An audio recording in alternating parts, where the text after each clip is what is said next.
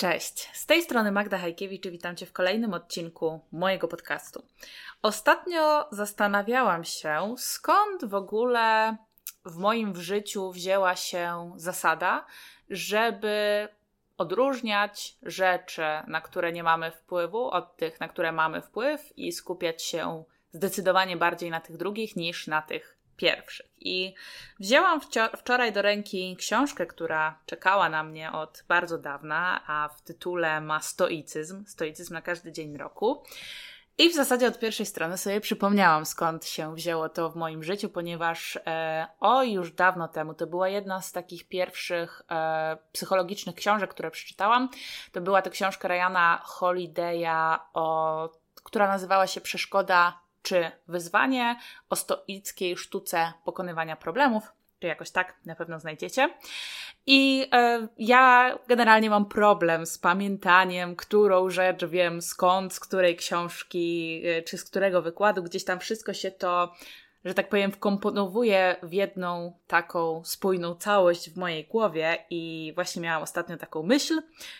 I odpowiedź na pytanie właśnie przyszła w pierwszym fragmencie tej książki, który chciałabym Ci przeczytać na początku tego podcastu, bo będzie on wstępem do tego, o czym chciałabym dzisiaj powiedzieć. I teraz e, będzie to fragment książki Stoicyzm na każdy dzień roku.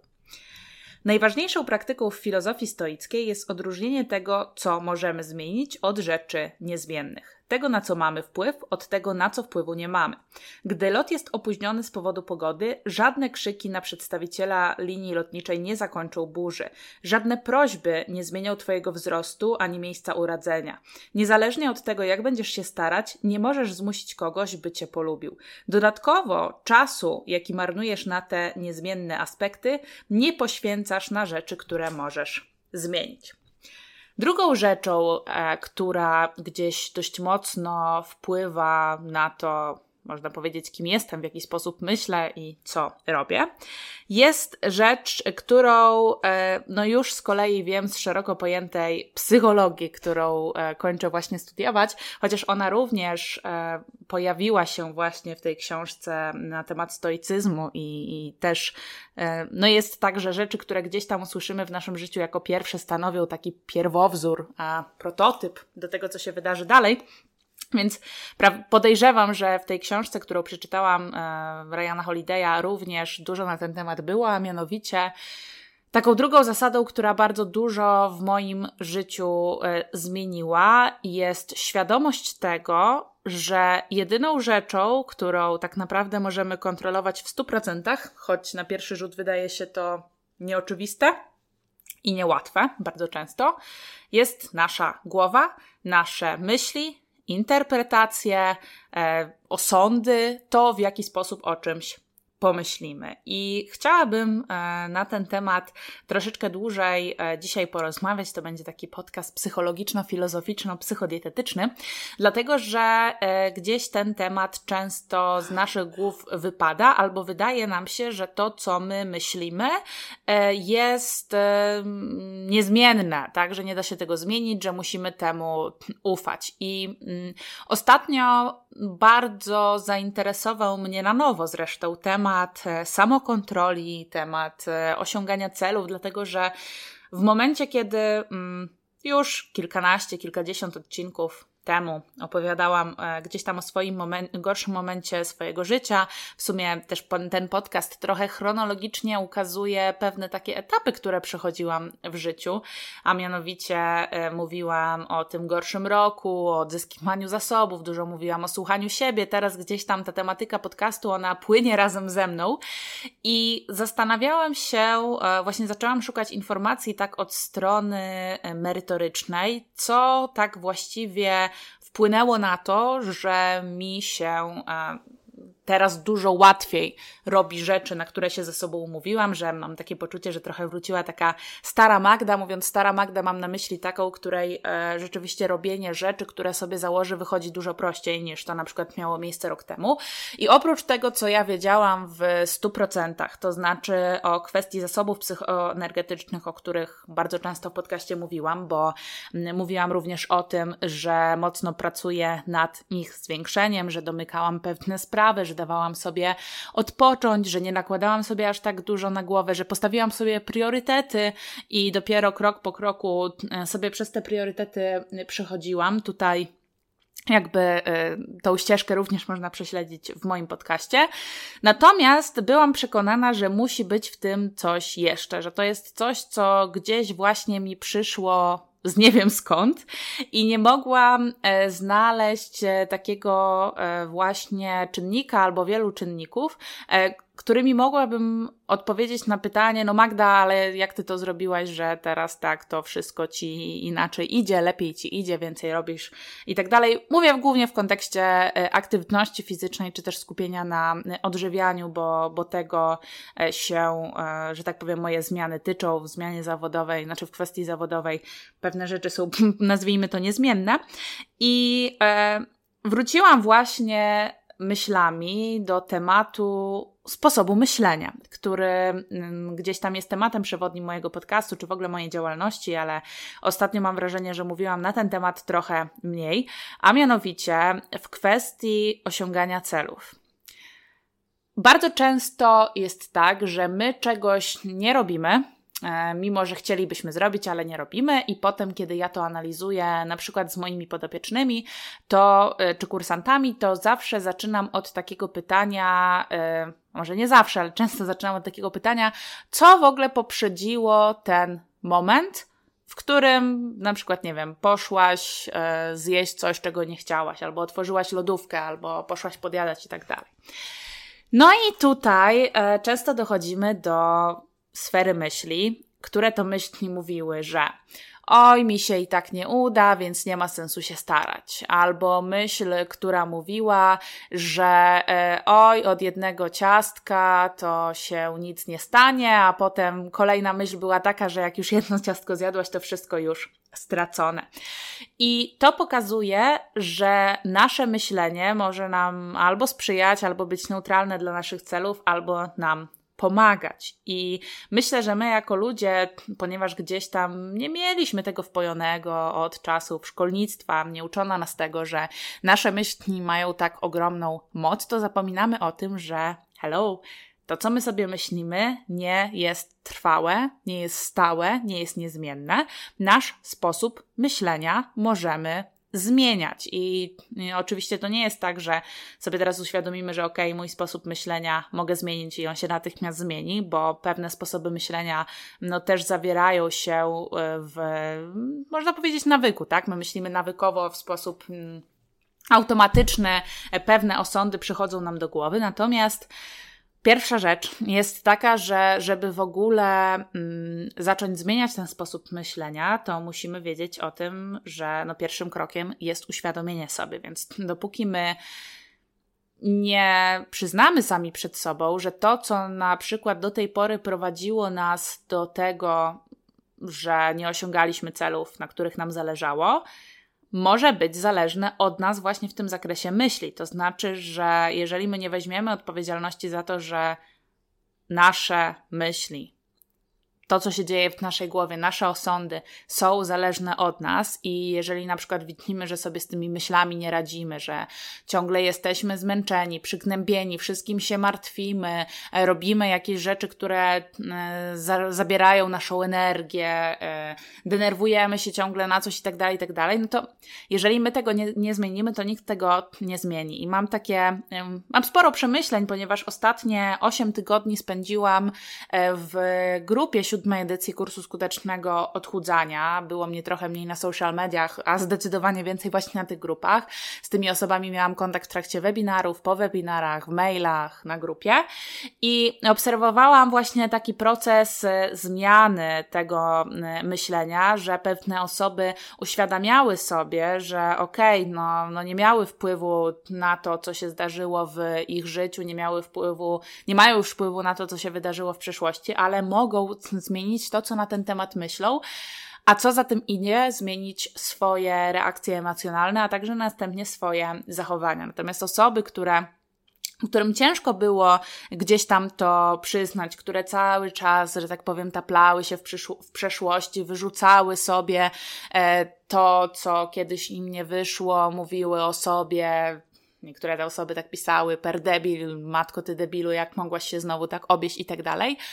E, no miały dużo większą trudność ze zmianami. Zresztą wiemy to z psychologii, że taką e, umiejętnością, która znacząco wspiera proces zmiany jest elastyczność.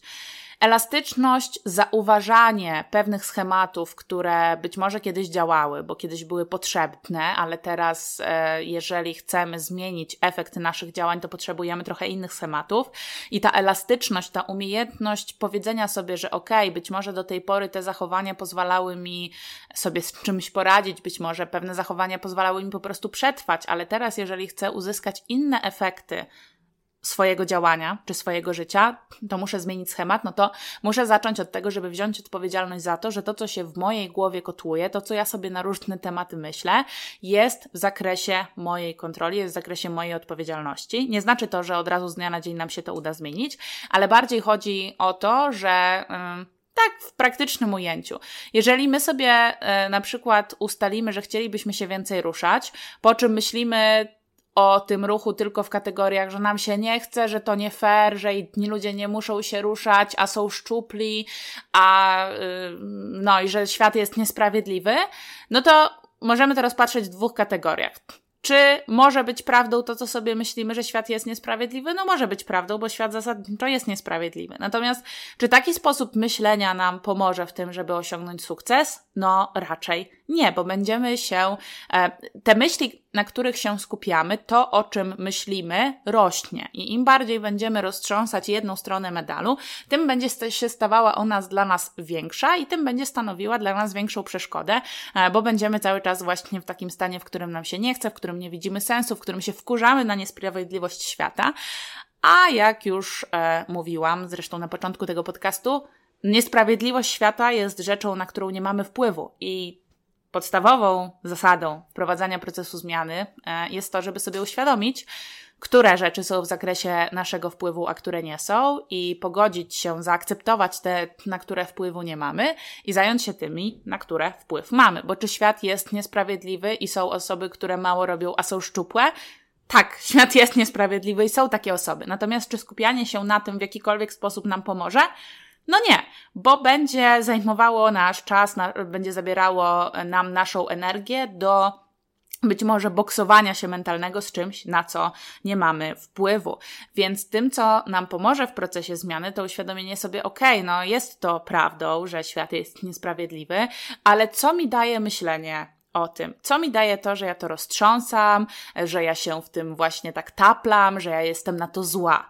Czy to mi pomaga w osiągnięciu mojego celu? No nie. Chyba, że moim celem jest szukanie sobie powodów, żeby czegoś nie zrobić i na przykład potem przed samą sobą powiedzieć, no ja próbowałam wszystkiego, ale nie wyszło, bo też tak bywa, że te myśli, które gdzieś tam w naszej głowie są, które nas prowadzą do tego, że czegoś nie robimy, no to ich jedynym celem jest podtrzymywanie naszych nie lubię tego słowa, ale w tym kontekście myślę, że będzie dobrze wybrzmiewało, że te myśli służą do podtrzymywania naszych wymówek. Bo jak sobie pomyślimy o tym, że się nie da, no to tego nie zrobimy i będziemy mogli dalej robić to, co robiliśmy do tej pory. Więc yy, to nasza odpowiedzialność, w jaki sposób my zinterpretujemy jakąś rzecz. Bo rzeczy z zasady nie są ani smutne, ani, nie wiem, trudne, ani nie są, nie wiem, niespodziewane, to my je w taki sposób interpretujemy. Dlatego, że żeby jakby doświadczyć tej innej interpretacji, wystarczy na przykład czasami e, posłuchać ludzi z innych kultur albo w ogóle wyjechać w jakiś trochę oddalony od nas kawałek świata i zobaczyć, że to, co dla nas jest nienormalne, jak na przykład, nie wiem, przytulanie się do kogoś na pierwszym spotkaniu w pierwszej minucie poznania, będzie normalne dla kultur e, na, innej, e, na innym kontynencie. Więc to, co na przykład jest normalne, e, również jest wynikiem naszej interpretacji. To każdy z nas ma jakiś swój zestaw interpretacji, swój zestaw norm, swój zestaw przekonań i swój zestaw rzeczy, które uważa za normalne. I teraz jak nam to może pomóc, w czym nam to może, e, w czym nam to może pomóc. Otóż, jeżeli uświadomimy sobie, że my mamy wpływ na swój sposób myślenia, to możemy skupiać się intencjonalnie na tych rzeczach, które pomagają nam osiągnąć cel. Mała autopromocja. Jeśli jesteś już na tym etapie podcastu, to prawdopodobnie treść w nim zawarta jest dla Ciebie interesująca. Jeżeli chcesz głębiej popracować nad swoją relacją z jedzeniem, znaleźć przyczynę swoich trudności w tym obszarze, a także skutecznie i przede wszystkim trwale poprawić swoje samopoczucie oraz sylwetkę, sprawdź moje kursy online na platformie Akademia Wiem Co Jem. Kursy, które tworzę są praktyczne. Poznasz w nich nie tylko teorię, ale przede wszystkim nauczysz się jak wdrażać tą wiedzę w realia swojego życia. Link do mojej platformy kursowej znajdziesz w opisie tego odcinka. A taką rzeczą jest choćby pamiętanie o tym, dlaczego zaczęliśmy, albo pamiętanie o tym, jakie pozytywy, jakie nagrody, jakie fajne chwile czekają nas wtedy, kiedy na przykład zrobimy coś, na co się umówiliśmy. To znaczy, że e, kiedy e, zaczynamy trenować, to nie skupiamy się tylko na tym, o, że inni nie muszą trenować, a my musimy, albo o matko, te 40 minut to taka udręka, tylko myślimy sobie o tym, okej, okay, no jest to coś innego niż do tej pory. Jest to jakiś rodzaj wysiłku, e, który musimy podjąć, ale pomyślmy o tym, jak będziemy z siebie dumni, kiedy ten trening skończymy. Pomyślmy o tym, jak to będzie fajnie, kiedy będziemy iść na, nie wiem, czwarte piętro i nie będziemy czuć zadyszki. To, na czym się skupiamy, to, co w naszej głowie rośnie, jest w zakresie naszej kontroli, dlatego że my nie postrzegamy świata takim, jakim on jest. To znaczy, nie widzimy faktów, ale widzimy przede wszystkim swoje interpretacje. Mało osób potrafi bez wcześniejszego wyćwiczenia patrzeć na rzeczy takimi, jakimi one są. Tutaj brzmi już bardzo filozoficznie, ale zasadniczo my jako ludzie mamy tendencję do natychmiastowego interpretowania, oceniania. Natychmiast patrzymy, e, nie wiem, na kogoś i nie widzimy różowego koloru bluzki, tylko sobie myślimy, czy ona jest ładna, czy ona jest brzydka. I to jakby też jest e, swego rodzaju w naturze ludzkiej i nie trzeba się z tym jakoś znacząco kłócić. Bardziej chodzi o to, że to my możemy przejmować w takich momentach nad tym kontrolę i zarządzać tym, co w jaki sposób e, interpretujemy. Podobnie jest, kiedy na przykład popełnimy błąd, tak? No błąd jest błędem. Zjedzenie czekolady jest jedzeniem czekolady. To jest fakt. Natomiast to, jak my sobie o tym pomyślimy, czy to jest, okej, okay, to jest doświadczenie, to jest jakaś e, rzecz, którą zrobiłam, to ja się teraz zastanowię nad tym, dlaczego to zrobiłam, bo przecież nie chciałam tego zrobić. E, pomyślę, jaki łańcuch e, zdarzeń doprowadził do tego, że ja tą czekoladę zjadłam, wyciągnę z tego wniosek i zrobię tak, żeby następnym razem nie zjeść tej całej czekolady. Taki może być nasz tok myślenia, ale naszym tokiem myślenia może również być to, że o matko, co ja narobiłam, jestem beznadziejna, nie umiem się powstrzymać przed głupią tabliczką czekolady i tak dalej, i tak. No i wiemy, że ten drugi sposób myślenia e, w procesie długoterminowym nie działa. To znaczy, on nas pozbawia zasobów, pozbawia nas energii, ale nie prowadzi do proaktywnego zapobiegania. Bo myślenie o przyszłości w kontekście osiągania celów ma sens, czy jest pomocne wtedy, kiedy myślimy o tej przeszłości w sposób taki proaktywny. Czyli ja pomyślę o tym, co się wydarzyło kiedyś i zastanowię się, co mogę na przykład z tego wyciągnąć, jakie wnioski albo jakich błędów mogę nie popełniać. Natomiast w kontekście osiągania celów, myślenie o, przyszło- o przeszłości nam nie pomaga, jeżeli to jest takie myślenie e, pasywne, czyli tylko o tym, co ja zrobiłam źle, żeby się podobijać w swojej głowie i zasadniczo zero lekcji, zero y, jakichś wniosków z tego nie wyciągnę. I tutaj pozwolę sobie przeczytać kolejny fragment tej książki na temat stoicyzmu, bo to też bardzo, e, bardzo mi gdzieś tam w głowie utkwiło. Oto fragment. Miałeś trudny okres w życiu, zaniedbałeś stosowanie się do reguł i przekonań, które są dla ciebie ważne, nie ma w tym nic złego. Każdemu się może zdarzyć. Zapamiętać należy jednak, że niezależnie od tego, co się stało i jak rozczarowany jesteś swoim zachowaniem, w dowolnym momencie możesz wrócić do tego, co robiłeś czy robiłaś wcześniej. To, co zdarzyło się wcześniej, a nawet 5 minut temu, jest przeszłością. W każdej chwili możesz zacząć od nowa. Dlaczego nie zrobić tego od razu? To też w kontekście e, e, osób, które na przykład po popełnionym błędzie myślą o tym, że no dobra, jak już popełniłam jeden błąd, no to teraz, nie wiem, pójdę już na wieczorną, e, ostatnią wieczerzę i od jutra zaczynam dietę.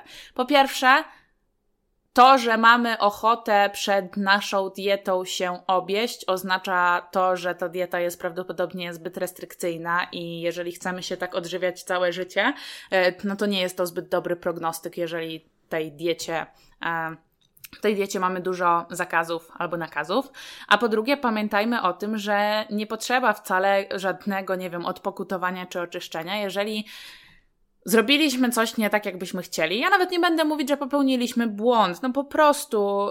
Yy, zrobiliśmy coś inaczej e, niż byśmy sobie tego życzyli, e, no to nie potrzeba żadnego okresu ochronnego pomiędzy, jakby nigdy nie jest za wcześnie na to, żeby po zjedzeniu czegoś, czego nie chcieliśmy zjeść, potem, nie wiem, zrobić coś, co zrobilibyśmy tak czy inaczej. Nie chcę tutaj powiedzieć, że nie wiem, pójść na spacer, żeby to nie zostało odebrane jako to, że jak coś zjedliśmy nadprogramowego, to musimy teraz to spalić, bo to nie na tej zasadzie działa. Jeżeli aktywność fizyczna jest dla nas e, karą albo przymusem za jakieś odstępstwo od diety, to to nie jest dobre podejście. Chodzi bardziej o to, że możemy po prostu się z tym pogodzić, bo nie mamy na to wpływu, zaakceptować to, wybaczyć sobie, stwierdzić, ok, popełniliśmy błąd i iść dalej. Naprawdę naprawdę nie musimy e, wokół tego tworzyć jakiejś wielkiej otoczki i wysnuwać jakichś wielkich interpretacji na temat tego, jacy jesteśmy beznadziejni, bo przypominam, nasze interpretacje są od nas zależne. To my mamy wpływ na to,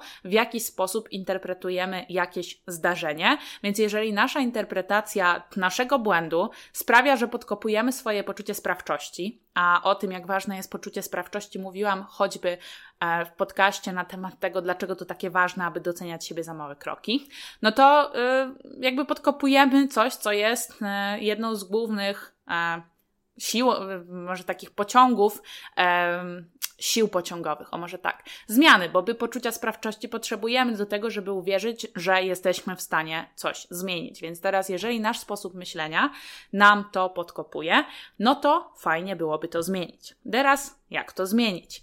No, samo zdobywanie wiedzy na temat zmiany myślenia już jest jakimś krokiem w przód, bo wychodzimy z pewnego etapu nieświadomości.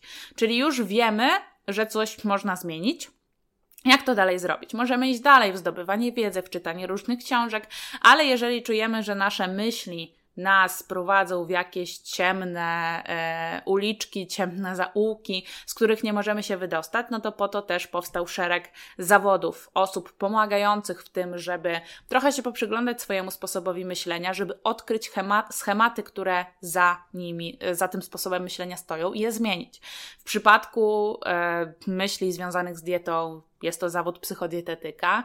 E, w przypadku e, no, takich szerszych e, zagadnień jest to zawód psychologa czy też psychoterapeuty, więc są to osoby, które pomagają w zmianie sposobu myślenia i dlatego też gorąco zachęcam, zresztą jak zawsze, że jeżeli czujemy, że okej, okay, wiemy, że nasze myśli powinny być pod naszą kontrolą, przynajmniej w pewnym zakresie, bo to, to, że mamy świadomość kontrolowania swoich myśli, nie musimy, jakby nie znaczy, że będziemy je kontrolować w każdym momencie, absolutnie nie. Bardziej chodzi o taką refleksję, że koniec końców, jak już te trudne myśli przeminą, albo te trudne sytuacje przeminą, to żebyśmy sobie uświadomili, że okej, okay, dobra, to teraz ja znowu wkraczam i ja znowu e, przejmuję kontrolę nad tym, jakie wnioski wyciągnę z tego, co się wydarzyło i ruszam dalej.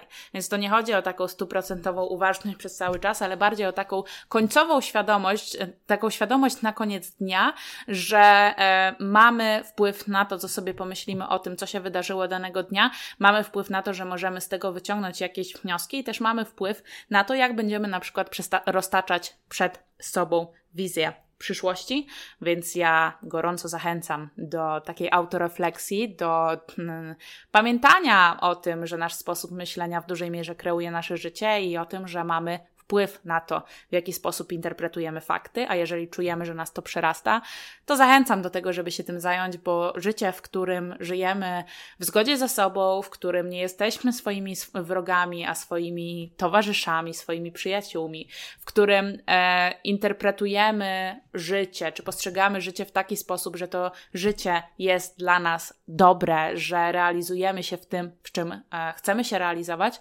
jest to po prostu mm, życie subiektywnie szczęśliwsze i przyjemniejsze.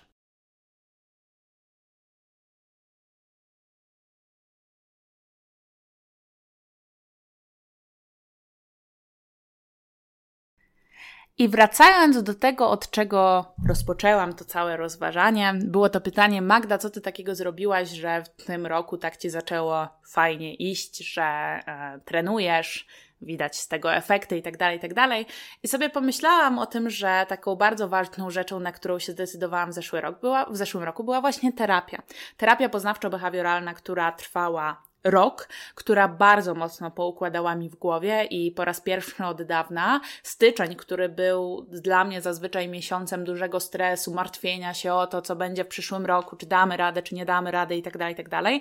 Teraz jest pierwszym od dawna styczniem, w którym czuję bardzo duży spokój, a dzięki temu, że czuję spokój, to y, mam więcej zasobów do działania, bo do tej pory te zasoby były zjadane przez moje zmartwienia, przez moje obawy, przez moje lęki, którymi musiałam się zajmować więc zeszły rok był zdecydowanie rokiem, w którym udało mi się e, przerobić taką wiedzę moją teoretyczną. W, w praktykę, można powiedzieć, bo jakby ja absolutnie nie wiem, nie wstydzę się o tym w żaden sposób mówić, dlatego że sama wiedza na temat tego, jak coś zrobić, jeszcze nie oznacza, że będziemy w stanie to zrobić. Trzeba mieć e, dobrego przewodnika i trzeba wiedzieć, jak to zrobić, zwłaszcza, że ciężko jest e, czasami swoje myśli w ogóle zauważyć. Potrzebna jest osoba, która z zewnątrz po prostu zada nam odpowiednie pytanie do tego, żebyśmy coś przemyśleli. Więc gdybym miała odpowiedzieć na to pytanie, Magda, co ty zrobiłaś, że teraz ci tak dobrze idzie, to bym powiedziała, że no właśnie, poszłam na terapię i dzięki temu mam w życiu dużo więcej spokoju, dzięki temu też mam większą kontrolę nad tym swoim sposobem myślenia i jestem w stanie skupić się na tych aspektach procesu zmiany, które mi służą, potrafię lepiej kierować swoim sposobem myślenia, a dzięki temu wybieram ten sposób myślenia, który mnie prowadzi do celu. Więc takie byłoby moje podsumowanie. Zakładam, że słuchając tego podcastu również interesują Cię takie tematy związane ze zmianą myślenia, ze sposobem myślenia, e, więc nie pozostaje mi nic innego, jak zaprosić Cię do kolejnych odcinków. A na dziś to tyle. Dziękuję bardzo i do usłyszenia.